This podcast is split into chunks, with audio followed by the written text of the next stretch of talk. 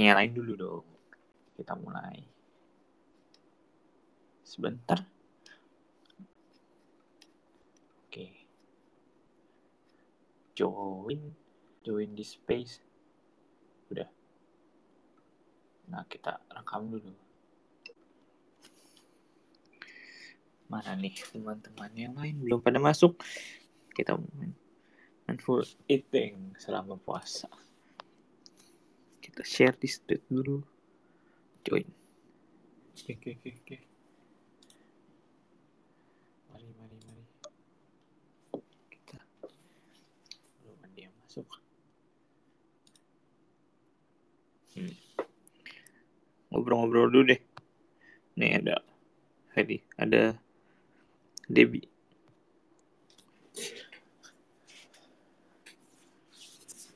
Naik dong, naik dong, Debbie, Heli.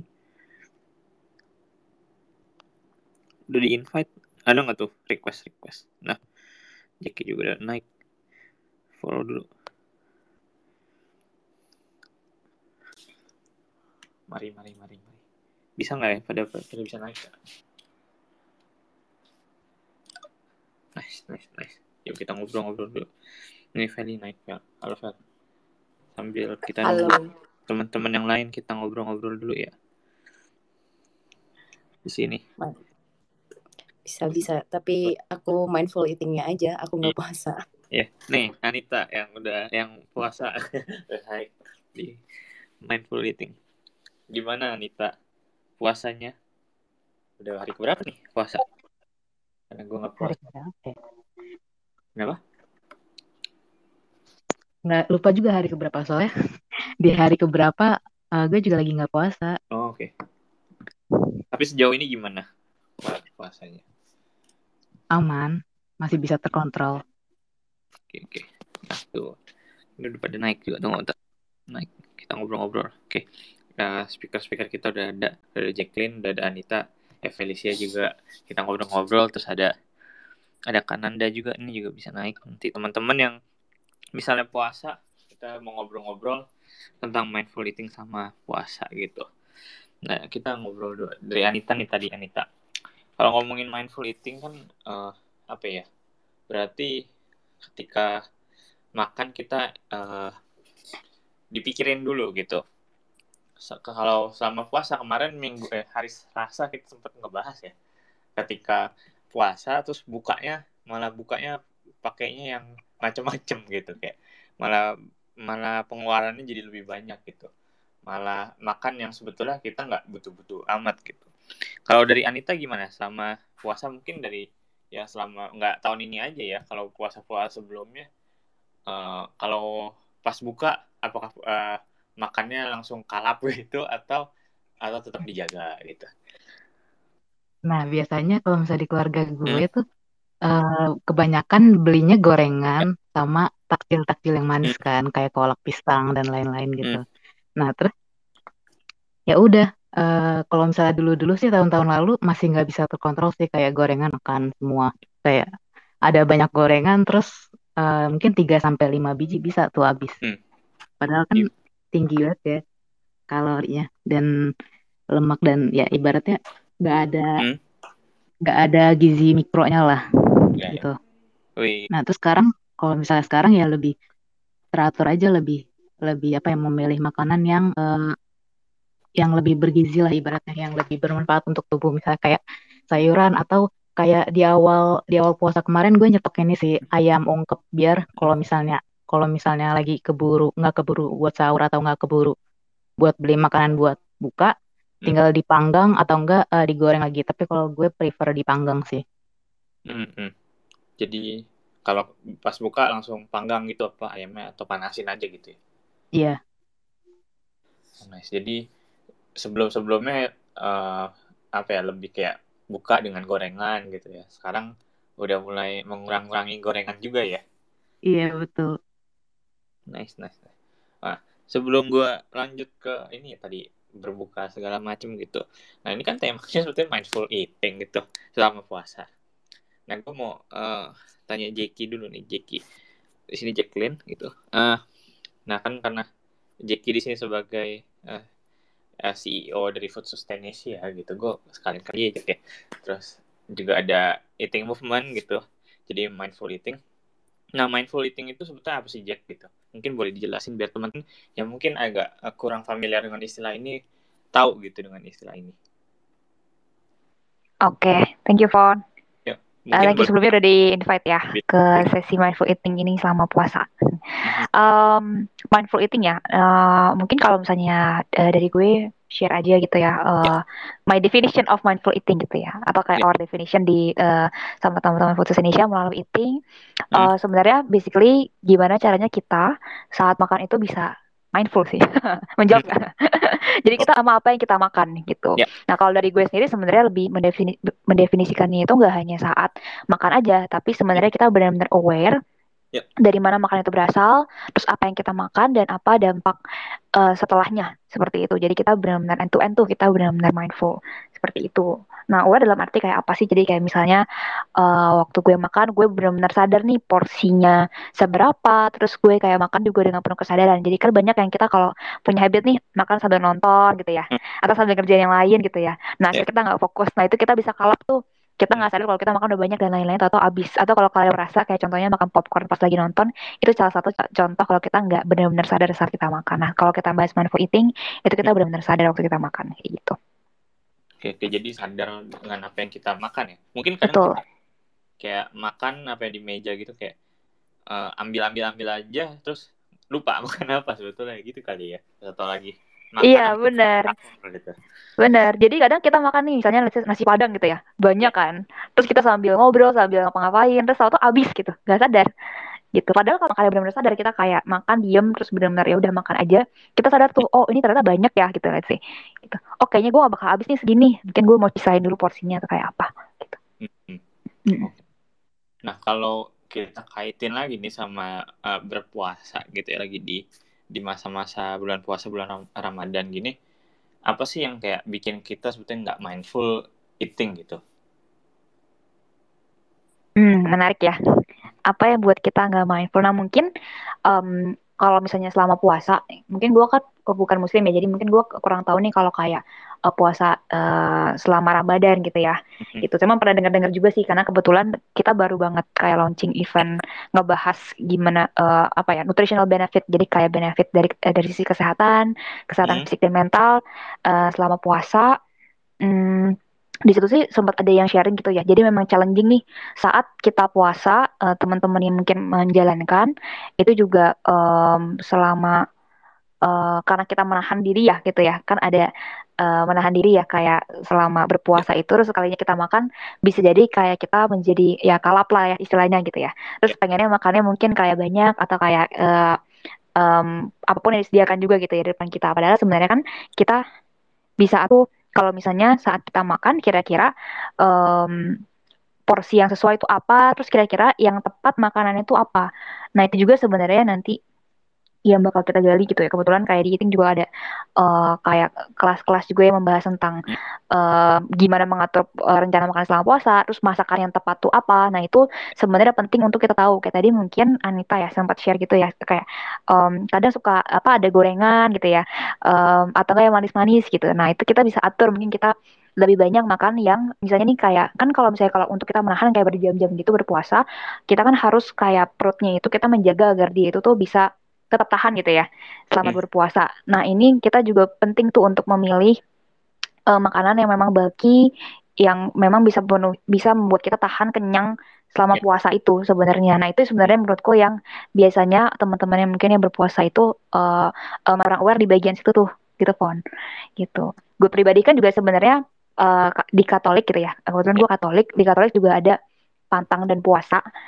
Jadi tapi puasanya itu wajib hanya saat kayak Rabu namanya Rabu Abu sama saat Jumat Agung itu um, kita sekali makan kenyang juga sebenarnya tapi kita masih boleh minum. Nah, itu kita sebenarnya cukup challenging juga saat itu apalagi kayak kita belum belum biasa melakukan puasa sebelumnya terus tiba-tiba kita puasa. Biasanya kagok terus kalau misalnya pilihan makan yang nggak tepat itu bisa kayak um, berdampak juga sih kayak uh, jadinya misalnya kalau makan yang manis-manis aja lebih gampang craving gitu atau masa malah asam lambungnya naik gitu kayak amit-amit ya gitu kalau nggak tepat gitu. Hmm. Oke oke berarti uh, tadi uh, apa ya di sahur juga ya yang yang yang bakal jadi penentu ya buat, buat yang tadi makan bakinya itu bakinya itu kayak gimana sih maksudnya Eh, Iya benar. Jadi se- semuanya sih. Jadi kan eh, ini boleh dikoreksi nanti ya sama yang eh, teman-teman mungkin yang muslim. Jadi kan ada macam-macam tuh. Ada kayak eh, waktu eh, sahur, makan sahur, terus saat eh, takjil, terus makan malam setelah eh, berbuka gitu ya. Terus ada eh, ada namanya kayak snack sebelum imsak itu juga mungkin bisa dikoreksi juga. Nah itu sebenarnya ada aturan gitu kayak porsi-porsi yang tepat selama eh, di waktu-waktu tersebut. Em, dan juga makanan jenis apa aja yang sebenarnya ideal untuk dimakan agar kita tahan. Contohnya kayak kemarin yang contohnya tuh buah kurma tuh udah paling ini sih, terutama kayak buat buka ya sama sahur. Itu Hmm. kayak em, itu bisa disebut makanannya bulky karena kayak dia itu kayak eh sorry bukan bulky sih, tapi kalau dia itu lebih eh, makanan yang kayak nutrisi. Karena kan sebenarnya kita juga eh, penting selain mem- me- kayak makan makanan yang bulky juga kayak bisa memenuhi nutrisinya gitu ya. Hmm. Kalau kayak bulky itu lebih kayak gini contohnya, kalau misalnya kita makan makan ayam goreng versus kita makan misalnya gado-gado deh kayak gitu. Nah, gado-gado itu kalau misalnya kita makan sayur, itu em, dengan kita makan porsi sayur lebih banyak, itu bisa menuhin eh, lambung kita gitu. Jadinya bulky gitu. Jadi kayak eh, dengan jumlah kalori yang sama, dengan eh, sayurnya mungkin dia bisa lebih banyak dan akhirnya bisa menuhin lambung kita. Sedangkan kalau misalnya kita makan ayam goreng, mungkin kalorinya eh, eh, dengan misalnya sama-sama 500 kalori nih, tapi dia jumlahnya lebih sedikit, akhirnya dia mungkin cuma menuhin sepertiga lambung kita. Nah itu misalnya itu bisa makanan yang gak bulky. Kalau bulky kayak sayur, dia bisa menuhin lambung kita gitu dengan jumlah kalori yang sama. Nah kayak gitu dengan kita makan makanan kayak kayak sayur yang berseratus dia bulky juga, itu akan ngebantu perut kita, em, jadi kita bisa lebih tahan lama juga tuh kenyangnya hmm, hmm. kayak gitu contohnya. Dan gizinya terpenuhi. Justru ini ya sayur malah yang bulky ya. Sayur. Iya. Oke, gue jadi dapet insight baru juga. Ya, teman-teman kalau misalnya tadi eh, sempat di-mention juga ya kayak eh, di eating movement juga ada eh, kelas-kelas ya. Bisa cek aja langsung ke Instagramnya eating.movement gitu ya. Eating it eat makan terus think gitu kan. Think Mm. mikir dot uh gitu kalau mau lebih lanjut gitu. Nah, sebelum eh setelah ini gue mau coba ke temen nangin dulu nih Kananda gini. Karena juga eh, puasa terus juga mungkin sebagai dokter juga ya mungkin eh, ini nggak kalau ketika eh, puasa gini apakah sudah mindful gitu yang kayak dijelasin Jackie tadi atau gimana? Oke, halo. Halo kak. Jadi mungkin eh perkenalkan dulu, perkenalin diri dulu kali ya kak. Oh iya. Eh, halo, saya Nanda. Saya dokter umum, cuman sekarang lagi eh, fokus di klinik estetik. Jadi punya klinik estetik. Hmm. Nah, ini kebetulan sebenarnya di klinik estetikku itu ada program yang namanya mindful. Ya. Jadi cara slimming yang mindful gitu. Dan di dalamnya itu kami punya five rules, five magic rules of mind slim dan salah satunya adalah mindful eating. Jadi makan secara sadar. Itu persis kayak yang diceritain sama Kak Jacqueline tadi. Ya, ya. kayak gitu. Jadi ya otomatis juga ikut mempraktekkan yang namanya mindful eating terutama kalau pas lagi puasa gini sih. Hmm. Eh, dan benar sih penyakitnya orang yang lagi puasa itu biasanya adalah kalap waktu buka. Waktu buka puasa itu jadinya kalap. Karena ya wajar sih namanya seharian orang nahan nahan lapar nahan haus terus begitu diizinkan untuk makan dan minum itu pasti ada perasaan kayak aku pengen ini aku pengen itu aku pengen ini aku pengen itu. Aku lapar banget sekarang aku haus banget sekarang jadi aku mau makan yang banyak aku mau minum yang banyak. Itu sebenarnya wajar terjadi walaupun sebenarnya tubuh kita nggak butuh yang segitunya. Jadi kalau untuk hari-hari pertama itu biasanya akan banyak orang yang dia kalap dan akhirnya nggak mindful tadi ya.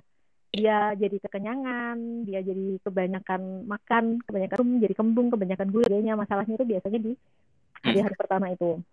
Nah Ya. kalau misalnya eh, udah menerapkan mindful eating sebenarnya hal-hal kayak gitu itu nggak nggak bakal kejadian sih. Karena hmm, apa ya? Karena kalau misalnya udah mindful kita udah mikir apa yang mau kita makan apa yang mau kita minum itu otomatis kita jadi kayak bisa ngebatasin diri gitu loh. Hmm. aku pengen ini oke aku ini tapi sedikit segini. Porsinya sekian. Karena berikutnya aku pengen ngincip yang itu tuh. Nah kayak gitu gitulah Jadi Jadi sebenarnya ya sama sama persis kayak di ceritain sama Kak Jacqueline tadi. Hmm. Cuman kalau dari aku mungkin ada beberapa tambahan ya. Kalau misalnya mau mempraktekkan si mindful eating ini biar biar lebih mudah kalau lebih mudah lebih praktis karena kadang kalau misalnya dibilang mau makan harus mikir dulu harus Hmm. mikir ini makanannya sehat apa enggak Ya. porsinya cukup apa enggak kayak gitu gitu kan sebenarnya Eh. cuman kalau untuk pemula yang baru ingin menjalankan itu itu biasanya kayak berat banget. Karena ada rasa denial. Yang Eh. maksudnya gimana ya? Hmm, anggaplah kayak aku pengen makan popcorn tapi kan dia kalorinya banyak. Bla bla bla bla bla bla. Akhirnya dia menghindari si popcorn ini. Lah ini Ah. nanti kejadiannya bisa-bisa kayak orang yang buka puasa tadi. Jadi setelah dia nggak makan popcorn nih lama nanti suatu saat dia kecentok kecentok itu apa bahasa Indonesia ya?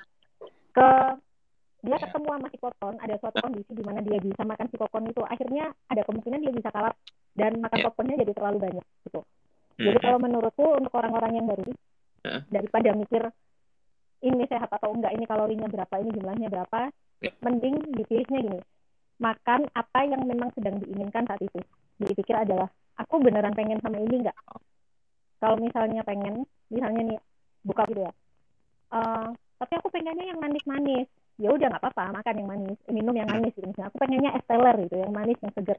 Nggak apa-apa, minum es teler, makan es teler. Cuman perlu disadari bahwa yang dinamakan makan itu adalah semua hal yang masuk ke dalam perut kita kecuali air putih. Jadi even es teler itu istilahnya juga makan. Oh, oke. Bukan berarti makan itu adalah nasi. Iya. Ya, kalau misalnya di mindful eating biasanya kita prakteknya gitu sih. Jadi apa pun yang masuk ke perut kita selain air putih itu adalah makan. Hmm. Dan ada rules lagi selain makan secara sadar, terus makan yang diinginkan ada satu rules lagi yaitu makan eh, makannya ini berhenti sebelum kenyang atau istilahnya sih biasanya mak- makannya berhenti saat netral. Jadi ketika perut ini udah nggak ngerasakan lapar secara fisik, ya udah berhenti, jangan dilanjutin. Nah itu biasanya yang perlu dilatih supaya kita sadar. Jadi misalnya nih, aku pengen es teler, Hmm. ya udah nggak apa-apa aku minum es teler, tapi sambil dipikir bahwa ini nanti kalau aku sudah sampai netral, aku jadi nggak bisa makan lagi si nasi padang, Ya. gitu kan? Jadi otomatis aku akan membatasi porsi si es teler ini. Ya udah aku asal asal ngincip aja lah. Yang Hmm. penting kepengenanku ini udah tercukupi gitu. Jadi es telernya diincip dikit, sisanya masukin kulkas misalnya yang makan besok, lanjutlah ke nasi padang yang karena aku pengen juga makan si nasi padang gitu. Ya. Nanti waktu makan si nasi padang juga bakal berhenti di fase sampai netral. Jadi ketika udah netral, oh Hmm. udah udah cukup, aku sudah tidak lapar lagi walaupun belum kenyang. Itu Hmm. udah berhenti. Karena di otak kita itu respon kenyang itu kan dia terlambat ya. Agak terlambat. Jadi biasanya Hmm. setelah kita selesai makan 15 menit sampai 30 menit berikutnya itu baru kita berasa oh oke kenyang. Jadi kalau misalnya kita berhentinya waktu kenyang, biasanya Hmm. 12 jatuhnya ntar kita baru berasa kayak 15 menit kemudian itu baru berasa aduh kekenyangan gitu. Karena udah terlanjur terlalu banyak. Hmm, Gitu. Hmm. Ya, ya. Itu sih kalau dari aku Jadi ini ya, es teler pun termasuk makan ya, bukan termasuk kalau makan. kalau Hmm. belum makan nasi belum makan, bukan gitu. Nah iya. Kalau dari Kak Nanda sendiri kan ya Hmm. ini kan juga eh, eh, udah berkeluarga gitu ya. Mm-mm. Ketika mm, menyiapin apa ya makan sahur dan buka puasa gitu buat keluarga, ada nggak maksudnya yang mm, makanan-makanan yang yang harus ad- ada gitu lah biar eh, tadi mungkin yang bulky yang udah Jeki bilang tadi atau yang bernutrisi apa gitu misalkan biar puasanya lebih kuat gitu misalnya. Kalau untuk makan sahur sih lebih nggak pilih-pilih ya. Aku mana yang cepat aja sih. Kalau yang cepat itu waktu itu adalah adanya nugget. Aku gorengnya nugget Mm, mm. itu nugget sama nasi gitu. Yang Hmm. penting minum minum yang banyak sih kalau aku. Karena udah dewasa juga ya, maksudnya udah terbiasa sering puasa juga kan dari kecil-kecil. Jadi Ya. Udah nggak terlalu bermasalah. Kadang kalaupun misalnya lupa nggak sahur pun juga itu oke. Oh, Makanya nanti si nutrisinya dipenuhinya waktu buka. Karena kalau buka puasa kan kita waktunya lebih panjang tuh daripada sahur. ya, ya. Gitu. Gitu sih. Oh. Berarti kalau waktu sahur ya nggak apa-apa gitu. Tapi kalau setelah Iya. setelah buka, kalau buka apakah kalau dari buka yang harus ini harus yang makanannya bergizi semua gitu. Diusahakan iya sih sebenarnya. At least lengkap lah ya. Jadi Hmm. ada ada protein, ada karbohidrat, ada serat juga, vitamin mineral dari buah atau sayur. Mm-mm. Oh, Oke, oke. Minimal itu sih kalau kalau aku ya. Oke, berarti eh, lebih ini ya dibukanya setelah yang Ya, pusing karena ya. kalau waktu sahur itu nggak sempat mikir ya kan jam 3 pagi itu kan ngantuk Yes. Mau Heeh. juga males gitu paling ya tinggal ngangetin aja kalau ada sisaan waktu buka yang masih bisa di ya aku angetin itu kalau enggak ya goreng-goreng apa yang ada lah goreng telur goreng nugget goreng ayam gitu ayam ayam eh, ungkepan yang di freezer gitu Hmm, oke oke. Berarti ini menarik sih karena kan gue nggak nggak puasa gitu kayak. Mm-mm. Oh ternyata justru buka puasa ya yang yang yang justru yang di, lebih perhatiin ya bukan sahur ya. Iya malah buka puasanya sih Ya kan mikirnya kayak ah sahur di makanannya oke nih biar puasanya kuat gitu. Ternyata justru kebalikan pas bukanya nih ya malah malah yang yang perlu diperhatiin gitu ya. Lebih gitu. Iya, kalau dulu waktu kecil mungkin aku Hmm? juga mikirnya kayak gitu sih. Waktu kecil zaman zaman SD gitu kan. Oh kalau sahur aku harus makan yang banyak gitu biar kuat seharian. Tapi ya ternyata laparnya sama-sama aja loh. oh iya. ya serius laparnya sama-sama aja. Ah, mungkin selisihnya teman-teman. nggak jauh ya. Kenapa? Selisihnya nggak jauh antara waktu sahur itu kita makan yang banyak atau makan yang Ya. lengkap gitu sama yang uh, apa namanya frozen food doang. Buat aku sih nggak terlalu jauh karena mungkin mungkin ya nutrisinya udah terpenuhi waktu buka. Jadi Hmm. waktu sahur itu kayak tinggal nyemil lah intinya. Nyemil ah, minum sih aku yang penting kalau waktu sahur itu. Oke, ini justru minum ya, minum Mm-mm. Penting ya kak. Apakah sudah kayak minum ini bisa bisa yang bikin kenyang ini apa ada, atau ada apa gitu di di air ini gitu? Apa khasiatnya gitu? Uh, ya memenuhi cairan tubuh aja sih biar nggak dehidrasi kan. Oh Karena emang. kalau ngejar minum eh, memenuhi kebutuhan tubuh waktu buka puasa sampai ke tidur doang biasanya sih nggak nyampe dua liter per hari ya. Mm, karena keburu kembung. Jadi itu harus harus aku pecah antara di sebelum buka, setelah buka, sebelum tidur, sama nanti pas sahur. bener ya kayak itu Sama ya, kopinya juga waktu sahur. kopi. Iya, ini bener ya kayak iklan itu ya air mineral ya dua sa- saat sahur dua saat buka sebelum tidur itu ya Mm-mm. Nah, kalau nggak gitu kembung bener. iya sih betul sih kalau diminum langsung gitu ya Mm-mm. Iya, iya. Oke, oke. mungkin teman-teman di sini juga punya cerita-cerita tentang uh, apa sih makanan uh, sahurnya atau makanan berbukanya gitu. Boleh langsung langsung naik aja request naik gitu. Karena seru banget sih uh, dengerin cerita ini kayak gue aja karena gue nggak puasa jadi gue jadi tahu nih kayak sahur ini sebetulnya makanannya justru sama berbuka lebih lebih penting yang berbukanya ini nih. Teman-teman ada yang misalnya sahur yang makan apa terus eh, berbuka yang makan apa bisa diceritain gitu. Nah, boleh naik nih. Ini ada siapa nih yang yang yang udah gue naik naik, udah gue coba request request naik, mungkin bisa naik. Ibnu, Ican, mungkin mau naik, boleh ya. Nah, kalau gue balik lagi ke Anita nih. Anita tadi kan gue baru nanyanya makanan makanan ber- berbuka ya. Kalau sahur gimana nih? Sahur lebih simpel sih. Kadang juga kalau misalnya lagi buru-buru cuma ngerebus Indomie tapi pakai sayur, pakai telur atau pakai ayam yang udah diungkep Mm. gitu sih. Kalau sahur lebih lebih biar lebih cepat aja kayak Kananda. Kalau Kananda kan dia lebih ke tinggal goreng. Kalau gue tinggal ngerebus aja gitu. Oh, masih tetap ya nggak nggak mau terlalu banyak goreng-gorengan juga ya? Iya. Hmm, kalau ini ya jadi direbus-rebus gitu. Nah itu nggak eh, punya itu nggak pengalaman kayak sama nggak sih kayak Kak Nanda tadi kayak kalau sahur ya nggak sahur pun juga bisa kuat-kuat puasa gitu. Yang penting Sama. lebih ke bukanya gitu. Sama-sama. Mungkin karena ya ya pertama karena udah terbiasa dan karena eh, mungkin kalau misalnya sekarang kan lebih banyak aktivitas ya, jadi lebih teralihkan lah rasa laparnya. Gitu Hmm, sih. oke. Justru malah kalau ketika banyak aktivitas malah malah bisa lebih lebih mindful, Teralihkan. lebih mind- lebih lebih nggak berasa gitu ya. Mm. Hmm, nice, nice. Eh, jadi bisa lebih ini juga ya nggak? Udah tiba-tiba eh udah buka aja gitu ya?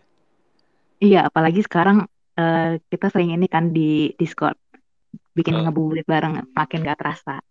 Nah betul teman-teman kalau ngabuburitnya eh ngabuburit biar menunggu berbuka puasa biar nggak terlalu berasa capek eh nggak terlalu berasa lapar gitu. Nah bisa join Discord kita linknya udah di atas di bit.ly kelurahan Sukamaju. Nah setiap jam 5 itu kita ada tuh buka uh, voice channel kita ngobrol-ngobrol bareng tuh nah bisa buat sambil ngabuburit ya kalau teman-teman mau join silahkan uh, gabung di Discord kita. Nggak cuman ngabuburit aja sih tapi kita juga ngebahas hal-hal lain gitu kayak pengembangan diri bahas tentang karir. Nah dan lumayan juga ada ada hidup sehat juga nih kak Nanda sama kak Declan juga sering ngobrol-ngobrol juga di di situ ya di channel hidup sehat. Kalau mau teman-teman yang mau hidup lebih sehat lagi itu bisa ada tips-tipsnya di di Discord kita juga. Bisa klik di linknya di atas itu. Oke, nah ada lagi nggak teman-teman yang mau cerita cerita-cerita soal pengalaman puasanya gitu boleh aja langsung naik ke atas. Ini bisa langsung request aja kalau misalnya nggak gitu kelihatan uh, tombol-tombolnya itu ada ada tulisan request di situ. Nah, gue mau balik lagi sih ke ke Jeki. Halo Jek. Halo, halo, halo. Halo, halo. Nah, kedengeran nggak Jek? Nah. Kedengeran, kedengeran. Ya, gue sebetulnya tadi uh, Kak Nanda juga udah udah sempat uh, singgung tentang mindful eating gitu. Uh, terus dari segi puasanya gitu. Dari dari lu ada ada tambahan lagi nggak tentang ini mindful eating secara keseluruhan atau yang selama puasa kira-kira ada nggak tips-tipsnya juga gitu? Oke, okay, thank you, Fon. Wah, uh, kalau dari gue mungkin, hmm, mungkin kalau misalnya dari segi tips-tips gitu ya, um, sebenarnya tadi udah di udah disampaikan sih sama yang lain ya. Jadi kayak uh, soalnya kan prakteknya kadang suka beda-beda tuh ya. Uh, tergantung kayak kebiasaan makan kita. Terus uh, mungkin kalau kita masih sama keluarga juga tergantung ya yang disediain apa gitu. Ya udah gitu kita makan aja. Tapi um, paling ini sih kayak mungkin highlightnya uh, tetap tetap ini kali ya memperhatikan pola gizi seimbang kali ya hmm. gitu mungkin kalau ini uh, tadi ada dokter dari anda mungkin lebih uh, udah lebih expert kali ya kalau seputar ini ya uh, tentang gizi seimbang gitu intinya kayak gimana kita juga tetap perhatikan um, uh, porsi terus uh, jenis makanannya terus misalnya mungkin kalau misalnya dari cara masaknya juga mungkin diperhatikan uh, kurangin juga kayak untuk yang kayak goreng-goreng mungkin kita lebih lebih perbanyak mungkin yang kayak uh, misalnya yang uh, rebus atau kayak di pan fried kayak gitu jadi kita um, juga lebih aware gitu kita menyiapkan makanan sendiri kita ya kita nggak beli kita juga hmm. pilih makanan yang uh, lebih bergizi dan cara masaknya juga nggak banyak mengurangi nutrisi atau kayak memperbanyak um, um,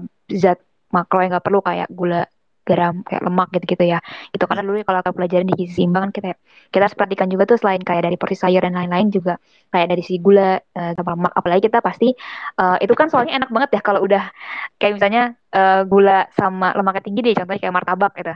Itu kan udah kayak wah guilty pleasure banget tuh kalau depan mata apalagi kayak habis puasa seharian tuh kayak pasti enak banget. Nah pasti kita biasa akan terlena sama kayak gitu tapi kita coba lebih mindful lagi dalam arti at least kalau dalam mindful eating itu kita perhatikan juga tuh apa yang kita makan kayak gitu.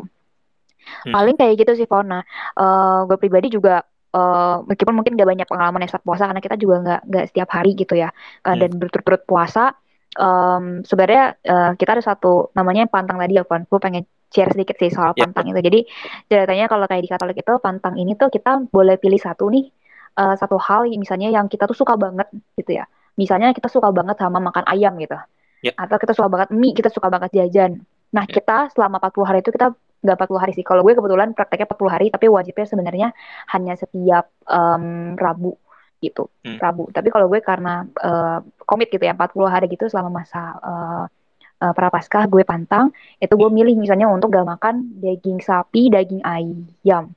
Gitu pokoknya red meat, gak selain sapi pokoknya red meat sama ayam. Itu gue men-challenge diri gue hmm. untuk kayak menahan diri gitu kan hmm. gitu dari sesuatu yang gue suka banget hmm. sama menurut gue itu juga uh, bukan gak ada benefitnya ya tapi biasanya pilihan makanan-makanan yang kayak daging dan uh, ayam ini apalagi kalau misalnya kita buka GoFood gitu ya itu tuh yang bener-bener goreng hmm. geprek yang kayak olahannya tuh kayak minyak banget gitu jadi sebenarnya uh, turns out gue udah jalan selama sebulan nih masa prapaskah gue pantang itu nggak bantu gue makan lu jadi lebih bersih juga sih jadi meskipun gue nggak puasa hmm. terus tapi akhirnya gue bisa makan lagi dan mungkin orang yang uh, teman-teman yang ngelakuin puasa yang kayak setiap hari dan um, kita benar-benar misalnya tadi uh, makanan saat buka itu adalah penentu uh, apa kita akan bisa bertahan gitu ya selama puasa gitu. Meskipun mungkin mininya nggak hanya dari makanan ya ada banyak juga arti-arti lain. Tapi itu bisa ngebantu kita juga gitu sebenarnya untuk melatih uh, mungkin setelah kita coba berhasil saat puasa kita atur makan pola makan lebih sehat setelah itu pun kita bisa konsisten gitu.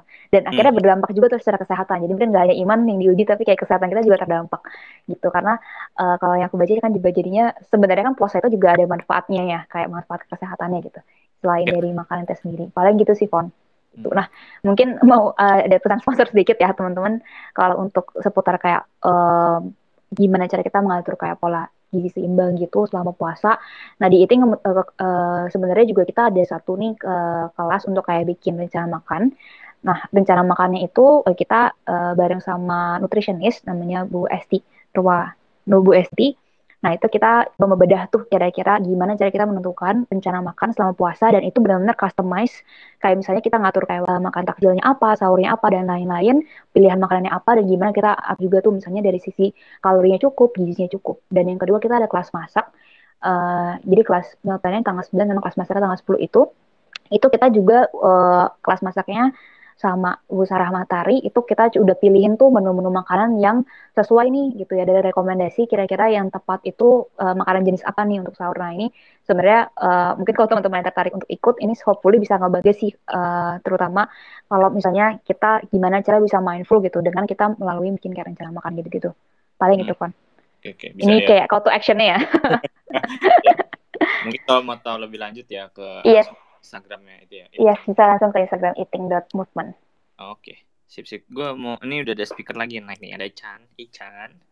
Hai, halo halo halo. Halo Chan, gue ini sama kayak teman-teman yang lain gue pengen nanya. Lo uh, selama ini puasa kan? Puasa, puasa nggak nih? Tanya dulu puasa atau enggak? Puasa lah. Puasa. Nah gimana nih? Sahur sama bukanya makannya oke okay nggak? Uh, makannya oh. apa nih? Kan kalau gue sih uh, gimana iya. gimana? Kalau gue sih gini sih. Uh, jadi menurut gue tuh uh, puasa itu tuh makan lu tuh kayak digeser aja gitu. Jadi mak jadi oh. makan makan pagi lu ya ya sahur gitu loh. Terus makan hmm. makan siang lu di di jam buka dan mal makan malam lu tuh di jam antara jam 9 atau jam 10 gitu biasanya sebelum tidur. Gue dulu pas masih aktif-aktifnya nge-gym tuh diajarin gitu. Jadi kayak pas pagi tuh uh, eh, gue kadang dulu pas nge-gym ya maksudnya zaman kuliah kan kadang ada kelas pagi gitu yaudahlah hmm. kadang sahur kadang enggak gitu hmm. ya untuk untuk gue kayak sahur gak sahur tuh sama aja gitu cuma cuma ya lebih lebih lebih lebih enak pas sahur gitu lebih ada tenaganya nah yeah. di sahur biasanya makan ya makan seadanya sih kayak kayak kalau emang lagi masak gitu ya ada ayam biasa kalau lagi lagi jam apa zaman zaman fitness mah cuma kalau emang lagi gak ada ke warteg biasanya ya. Uh, kombinasinya ya dari apa ya protein karbo mm. udah gitu. Yang penting yang penting yang penting itu gini. Lu makan tuh ada proteinnya terus ada sayurnya sama ada nasinya. Gue biasanya gitu. Kalau emang lagi malas keluar nih kalau emang lagi ngantuk-ngantuk banget udah. Harapan terakhir ya oats. Nah biasanya gitu. Nah terus kalau buat buka sendiri gue kalau buka biasanya ya buka tuh orang kan biasanya ada uh, emang sih dianjurkan untuk makan makan yang manis gitu. Nah yeah. biasanya kan orang tuh buka pakai kolak lah atau es buah atau apa. Mm -hmm. Kalau gue lebih lebih nyaman tuh pakai air es gitu, air air putih es atau air air biasa gitu. Karena gue juga gak terlalu suka manis dan kebetulan apa ya menurut gue mau buka pakai yang manis-manis langsung tuh bikin ngantuk gitu loh di saat gue pas mm. mau teraweh gitu. Nah jadi abis buka gue makan mm -hmm. atau biasanya kan kalau kalau di di Semarang kalau lagi gue di Semarang kalau habis buka tuh ya biasanya langsung makan. Cuma kalau di rumah tuh gue biasanya habis buka sholat dulu baru makan gitu biar ada jeda gitu ke perut tuh biar apa ya perut tuh ngeproses dulu. Kita kan istilahnya habis ngosongin perut nih udah berapa jam gitu dari pagi sampai malam kan. Nah jadi kayak menurut gue ya perut juga perlu diistirahatin juga gitu setelah setelah di jor-joran pas habis buka gitu. Nah untuk malamnya kalau gue biasanya ya paling ngemil sih. Tapi ngemil itu dalam artian ngemil ada proteinnya sih. Tetap karena uh, fokus pusing gue kan waktu itu emang di di high proteinnya ya. Ngemil pakai tempe lah atau emang lagi ada dada ayam sisa lah pasti pakai dada ayam gitu. Atau pakai high apa ya namanya? Whey protein. Nah terus mm -hmm. dikombinasiin sama buah gitu. Karena uh, aslinya ya uh, emang emang sih uh, bahkan malam itu aslinya tuh menurut gue ya gak, gak bikin gendut. Yang yang bikin gendut tuh kenapa makan malam bisa bikin gendut tuh menurut gue ya karena kalori harian lu tuh itu yang udah apa ya ya udah udah bablas gitu loh. Udah udah berlebihan gitu loh. Ya. menurut gue uh, menurut gue ya kalori asal kalori ah, kal- apa asal kalori itu lu masih masih ini ya masih ada space nih. Misalkan lu baru dapat seribu nih target lu seribu lima ratus ya udah kalau kan ya makan aja gitu makan ya Nah. men- menuhin itu kalori harian gue itu gitu sih kalau selama puasa apa ya istilahnya cuma ganti jam aja gitu geser jam gitu istilahnya Hmm. Ini ini nice perspektif sih gue jadi jadi geser jam makan ya sebetulnya kayak ya juga ya kayak gue mikir misal kalau kita pagi makan gitu ya sarapan terus nanti ya makan eh kaget dong makan malam gitu eh terus jadi kalau di puasa ya sahur dan buka gitu. Ya bagus juga sih. Ya sama-sama aja makan makan dua kali juga. Terus juga gue seneng dengan kalau dari Ican sendiri kayak bukan makannya apa tapi tip, jenis tipe apa sih ya tipe-tipe makannya? Kayak karbo protein gitu ya. Jadi jadi ber, ke perspektifnya itu ya ke yang penting nutrisi apa sih itu ya? Namanya gue gue kurang familiar dengan istilahnya sih. Tapi lebih ke karbo protein yang penting ada gitu. Eh, lebih ke situ. Eh, daripada misalnya makan nasi terus makan mie gitu. Itu dulu karbo gitu. Jadi proteinnya malah malah nggak terpenuhi ya. Nah jadi kalau dari Ican sendiri eh, mau sahur dan mau berbuka itu sama-sama eh apa namanya ada ada proteinnya ada ada karbonya gitu ya biar kepenuh nutrisinya gitu kali ya Iya, kalau kalau gue biasanya gitu sih. Terus juga kan biasanya orang tuh kan ngeluh tuh, kok gue puasa malah gemuk ya, timbangan gue naik ya. Nah, biasanya yang bikin apa ya, yang bikin tembak ya tembaga, bikin timbangan naik itu ya aslinya jajan-jajan kita berbuka puasa itu. Coba aja kita jajan ya buka puasa pakai apa? Kolak, kolak isinya apa? Gula. Nah, kandungan kalorinya Nah. itu udah berapa? Nah, itu. Oh, betul. Apa ya? Hitung aja lah. Hitung aja di sebuah kolak itu udah udah satu kali makan lo gitu untuk kalorinya. Mm-mm. nah itu udah kalori aja nih. Belum belum lagi gula ya. Nah itu. Terus abis itu abis lu makan kolak atau yang manis-manis itu lu makan gorengan. Gorengan Hah?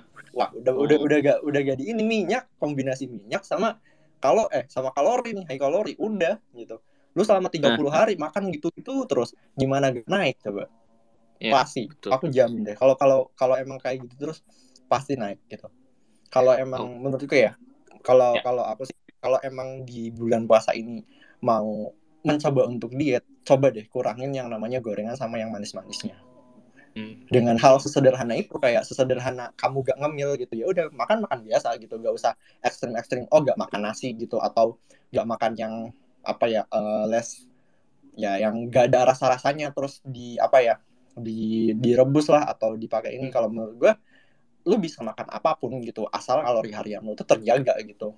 Ya, ya. pure kalori kalori aja gitu. Gak usah gak usah yang ekstrim ekstrim banget.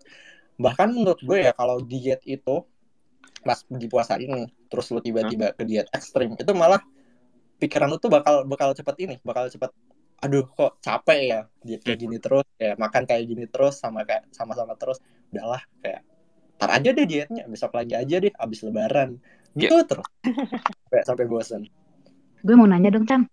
iya boleh Kan lo sebagai eh, lo nge-gym ya, terus tadi lo juga sempat nyinggung eh, lo beli makan di warteg. Heeh.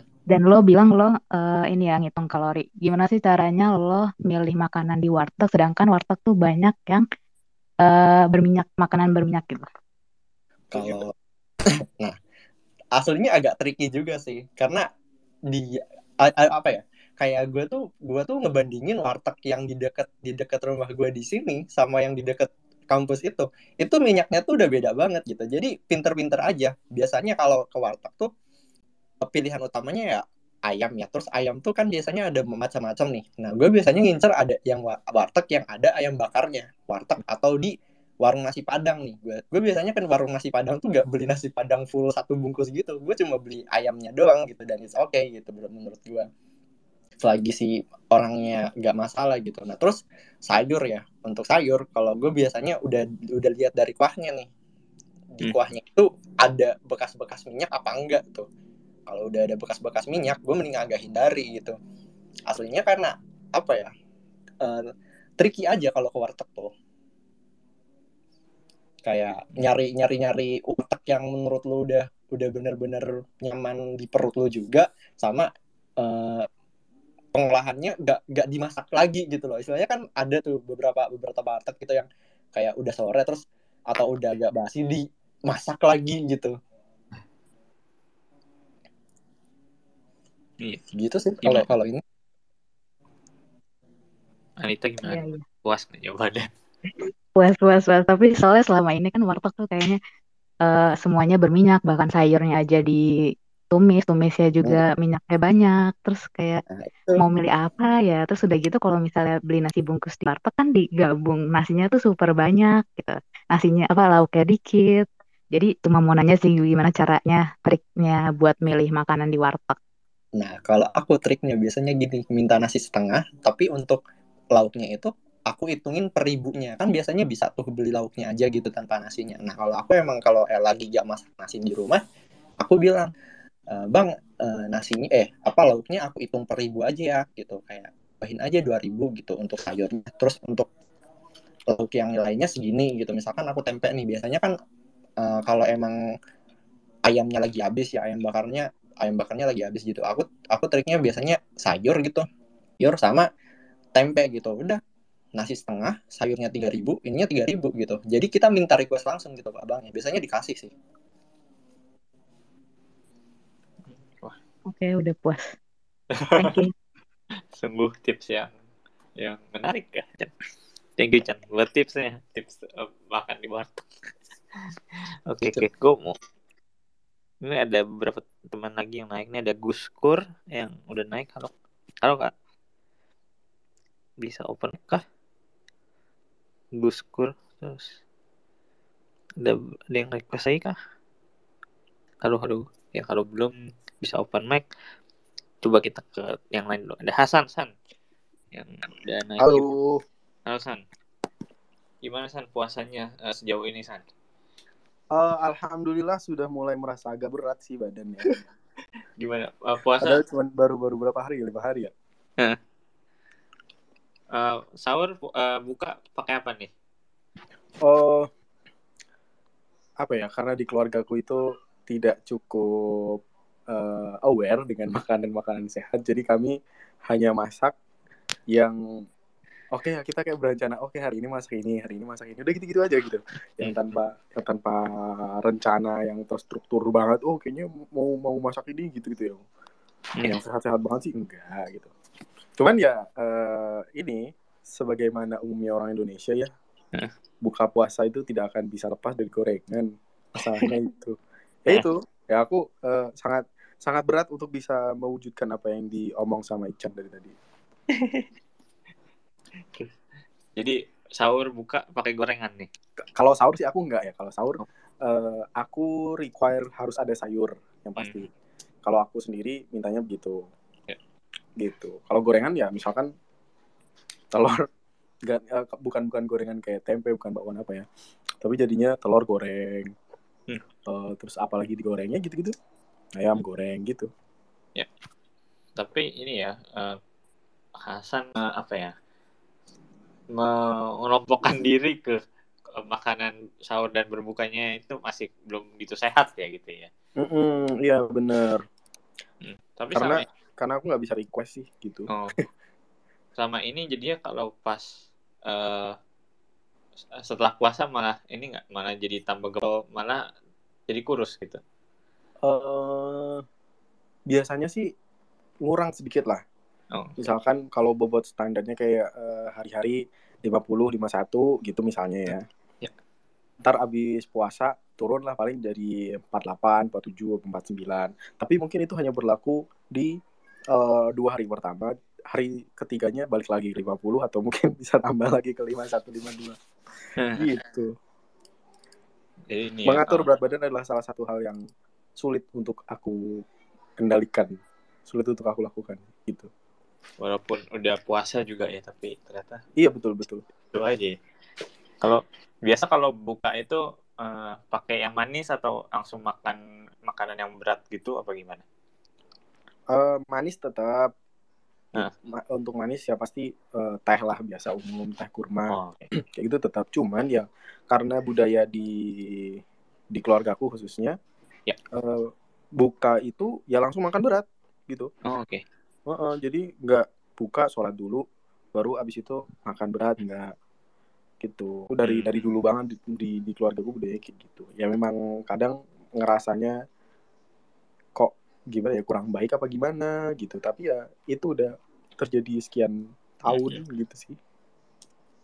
Kalau gue sih nggak nggak gitu ngerti ya kalau apakah baik atau enggak gitu ya. Maksudnya ini kurang baiknya itu dari segi ini apa mungkin apa gue nggak ngerti apakah dianjurkan buat makan yang manis-manis dulu. Iya Oke. betul. Anjurannya memang begitu. Anjurannya Oh. memang begitu. Terus eh, pokoknya tujuan buka puasa itu hanya untuk membatalkan aja. Oke. Kalau di Islam eh, kan kayak gitu ya. Tujuan berbuka puasa adalah membatalkan puasanya dulu, abis itu tetap bisa ngejar waktu buat sholat maghrib tuh, beres sholat maghrib, barulah nya Oke. udah lebih relax, jadi nggak Hmm. shock lah dituangin segitu banyaknya makanan gitu. Oke. oke. Nih kan ada ada tambahan kah? Heeh, aku mau nambahin ya. Ya, ya. Eh, untuk orang-orang yang belum bisa request makanan atau ngatur makanannya sendiri di buka sama sahur, kalau menurutku nggak nggak usah yang terlalu merasa bersalah juga sih. Hmm. Eh, karena selama kita nggak berlebihan, kalau menurutku masih ya oke-oke aja. Soalnya kayak gorengan pun kalau dibilang nggak sehat ya iya sih nggak sehat. Cuman bukan yang haram kan, Jadi bukan yang bener-bener nggak boleh gitu loh. Boleh kok, asal nggak usah banyak-banyak. Terus kalau misalnya lemak, eh, sering denger ini nggak sih lemak baik, lemak buruk gitu. Oh iya. Sering sering sering. Ya. Nah, kalau gorengan itu kan karena minyaknya dia berubah jadi lemak jenuh, terus jadi eh, dia mengandung lemak jenuh dan akhirnya jadi yang namanya lemak jahat tadi kan LDL. Nah, Hmm. itu sebenarnya bisa kita imbangin sama lemak-lemak yang baik. Jadi kalau misalnya nggak bisa request tanpa gorengan, Hmm. mungkin bisa pakai lemak baik dari kayak eh, eh, apa namanya avocado Oh, oke. atau kacang-kacangan almond kayak gitu-gitu atau ikan tapi kalau ikan jadinya request lagi ya. Cuman kalau misalnya kayak yang sesimpel alpukat gitu kan nggak perlu dimasak kan. Jadi tinggal beli aja alpukat gitu. Itu masih bisa sih.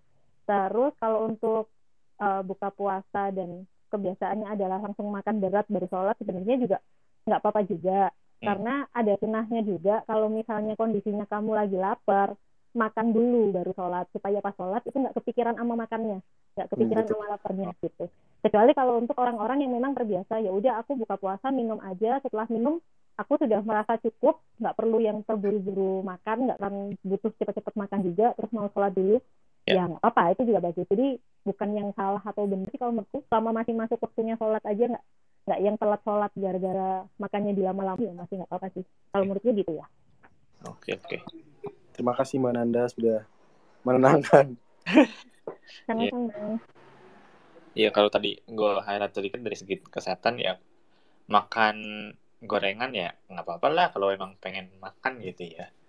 Eh, ya emang em- maksudnya emang emang kurang sehat tapi kalau emang pengen makan makan aja gitu lah gitu. Oke oke. Nih Gus Kur udah bisa open mic nih. Mau ada yang mau di om?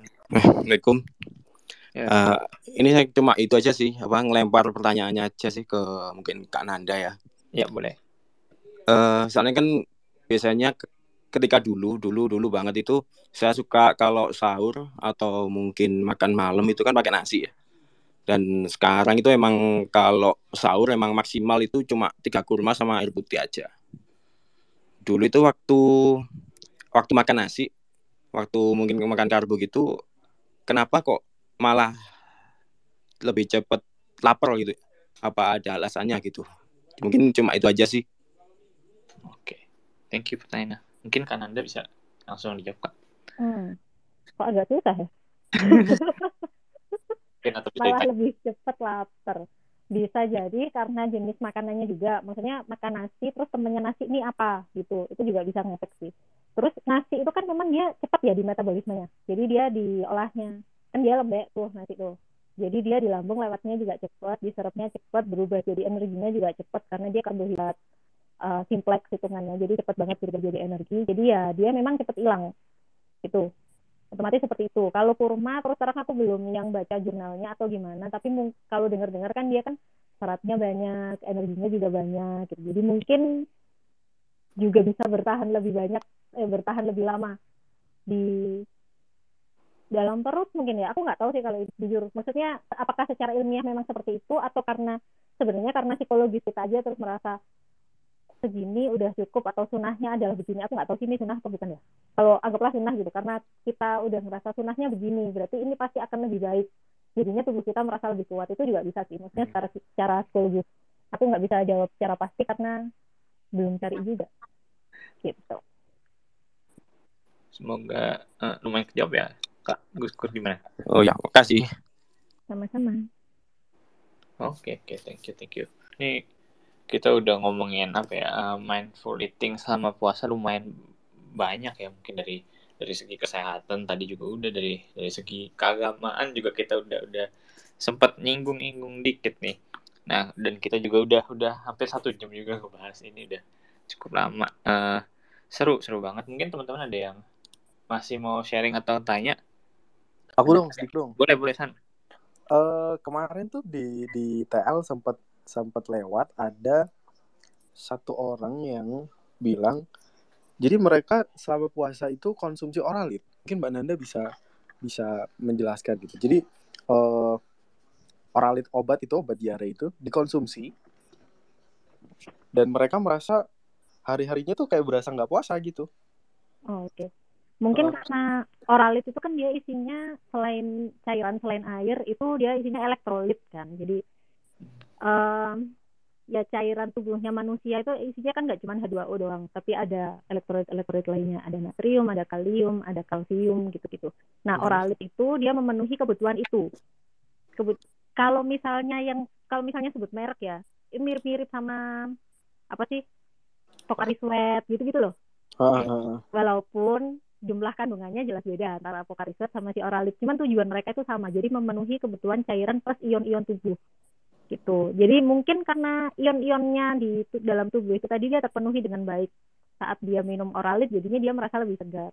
Wajar sih, walaupun sebenarnya nggak harus Oralit juga. Um, karena oralit itu kan sebenarnya dia diciptakan buat memenuhi kebutuhan cairan dan elektrolit tubuhnya orang yang sakit biasanya yang diare atau yang muntah-muntah yang suka kemasukan makanan uh, akhirnya dia ketika dimuntahkan itu makanan makanannya kan keluar ya. Ketika makanannya keluar elektrolitnya itu ikut kebuang. Jadi bukan cuman air doang gitu loh yang hilang. Makanya dikasihnya oralit cuman kalau misalnya kita nggak yang muntah atau diare yang banyak nggak muntah atau diare sebenarnya nggak usah oralit juga nggak apa-apa. Pakai makanan kita sehari-hari itu biasanya sih kebutuhan natrium kalium dan kalsiumnya atau ion-ion di tubuh lainnya itu uh, dia biasanya sih udah terpenuhi. Bahkan untuk uh, ini sekilas informasi aja sih kalau misalnya ada anak-anak yang diare atau muntah-muntah dan sama dokternya itu diresepin oralit sedangkan anaknya ini nggak mau minum oralit kan rasanya aneh ya oralit itu ya. Dia nggak mau minum oralit ganti aja sama cairan yang lain terserah apa kuah sop atau apa gitu yang sedap-sedap itu oke okay kok masih nggak apa-apa kayak gitu. Jadi sebenarnya nggak harus oralit juga. Gitu semoga menjawab. Hmm oke oke oke. Berarti uh, oralit bisa dijadiin salah satu items buat uh, boosting ya. Ya boleh boosting aja. energi selama puasa. Ha, boleh. Asalkan nggak ada yang penyakit aneh-aneh ya kayak kalau misalnya kena luka bakar serius, luka bakar yang luas gitu, itu ada aturannya sendiri nanti. Tapi kalau misalnya tubuh kita sehat-sehat aja, kayaknya sih nggak apa-apa harusnya. Hmm, oke oke oke, sip. Bisa dipakai buat cheating tuh nanti. oh, ada ada cheatingnya ya jadinya. Orang lihat buat cheating. Oke, okay, thank you Hasan buat pertanyaan kan Anda buat jawabannya. Gitu. Oke, okay, udah jam 9 nih. Jadi, teman-teman kalau misalnya mau bahas lebih lanjut soal mindful eating ya secara umum atau mau bahas uh, apa makanan-makanan soal puasa, mungkin kita bisa lanjut bahasnya di Discord ya. Jadi, sekali lagi di uh, atas itu linknya udah di attach di bit.ly uh, slash kelurahan Sukamaju. Mungkin kita bisa ngebahasnya di channel Hidup Sehat nih buat uh, nanti kalau teman-teman mau bahas lebih lanjut soal mindful eating sama uh, mindful eating sama puasa ini gitu. Terima kasih teman-teman yang tadi udah jadi speaker udah maupun yang nanya maupun yang tadi udah sharing-sharing terus juga teman-teman yang udah stay di sini sampai akhir juga thank you banget. Terus nah uh, ngomong tadi soal Discord, besok pun juga kita ada event lagi sambil ngabuburit nih di Discord kita ada kita ada ngobrol ngobrol ngobrol bareng arisan gitu kan arisan arisanan gitu. Jadi kita ngomongin LDR dan perbedaan usia gitu. Jadi teman-teman kalau misalnya mau sharing-sharing soal ada misalnya ada pengalaman soal LDR atau uh, pacaran beda usia yang lumayan kayak si film 25 21 itu yang di yang kayak drama itu yang baru selesai gitu bisa ngobrol di di di Discord kita besok jam 4 sore gitu. Kalau gitu gue tutup uh, Twitter Space hari ini. Twitter Space berikutnya di hari Selasa. Jadi bisa cek nanti di tweet kita. Kalau gitu goodbye and good night, Bebeng. Dadah semuanya. Bye, thank you, Fon. Mm -mm.